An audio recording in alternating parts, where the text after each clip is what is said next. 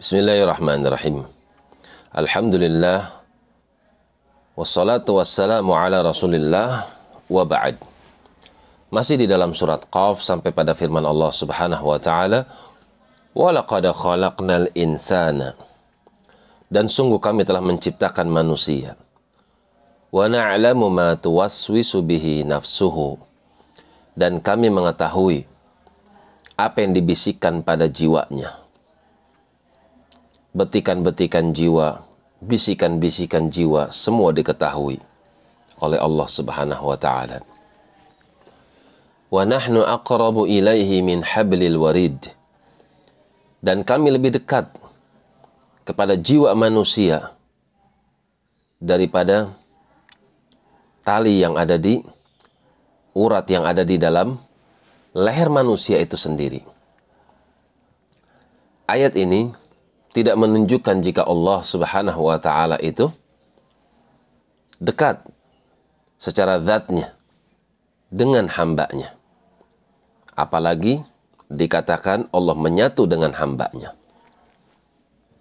Karena makna kami lebih dekat kepada manusia daripada manusia itu sendiri daripada urat yang ada di lehernya. Kami di sini adalah malaikat. Bukan Allah Subhanahu wa taala. Berdasarkan ayat berikutnya.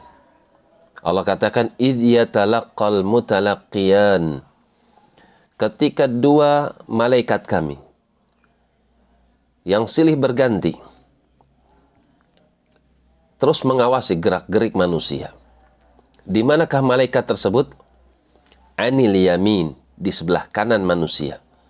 Wa shimal, di sebelah kiri manusia. Ka'id, duduk, mengawasi. Jadi bukan Allah subhanahu wa ta'ala yang zatnya dekat dengan hamba. Akan tetapi, malaikat-malaikat Allah lah yang zatnya dekat dengan hamba. Sehingga ayat berikutnya, ma yalfidhu min qawlin. Tidaklah hamba tersebut mengucapkan suatu ucapan. Illa ladaihi raqibun atid. Kecuali dua malaikat itu di sisi manusia tersebut raqib. Mengawasi atid sangat dekat. Itulah malaikat Allah yang Allah wakilkan untuk mengawasi gerak-gerik manusia. Malaikat raqib, malaikat atid. Dua malaikat dengan sifat raqib dan juga sikap atau sifat atid. Dua malaikat yang sifatnya dekat lagi mengawasi gerak-gerik manusia. Tidaklah mereka manusia melafatkan suatu ucapan. Para ulama menafsirkan dengan berbagai macam tafsiran di antara mereka seperti Al-Hasan rahimahullah tidaklah mereka melafatkan suatu ucapan kecuali dicatat oleh Raqib dan Atid. Ucapan di sini menurut beliau rahimahullah adalah ucapan yang mengandung unsur dosa atau mengandung unsur pahala. Adapun Ibnu Abbas radhiyallahu taala dan ini pendapat yang paling tepat, ma yalfidhu min qawlin tidaklah mereka manusia melafatkan suatu ucapan. Saya pergi, saya makan, saya minum, apa pun ucapan mereka manusia. Semuanya tertera, tercatat. Dicatat oleh Raqib, dicatat juga oleh Atid.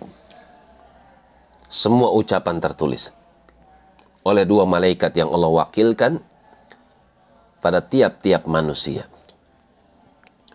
Karena itu, seorang yang mengharapkan pahala dan takut akan adabnya, maka dia akan kondisikan dirinya untuk tidak mengucapkan kalimat yang keluar dari lisannya kecuali kebaikan. Jika dia terjatuh kepada kesalahan, maka lisannya akan dia ajak untuk istighfar, meminta ampun pada Allah Subhanahu wa taala. Demikian wallahu taala alam bis Subhanakallahumma wa bihamdik. Asyhadu an la ilaha illa anta wa atubu ilaik. Tafadhalu. Barakallahu fiikum.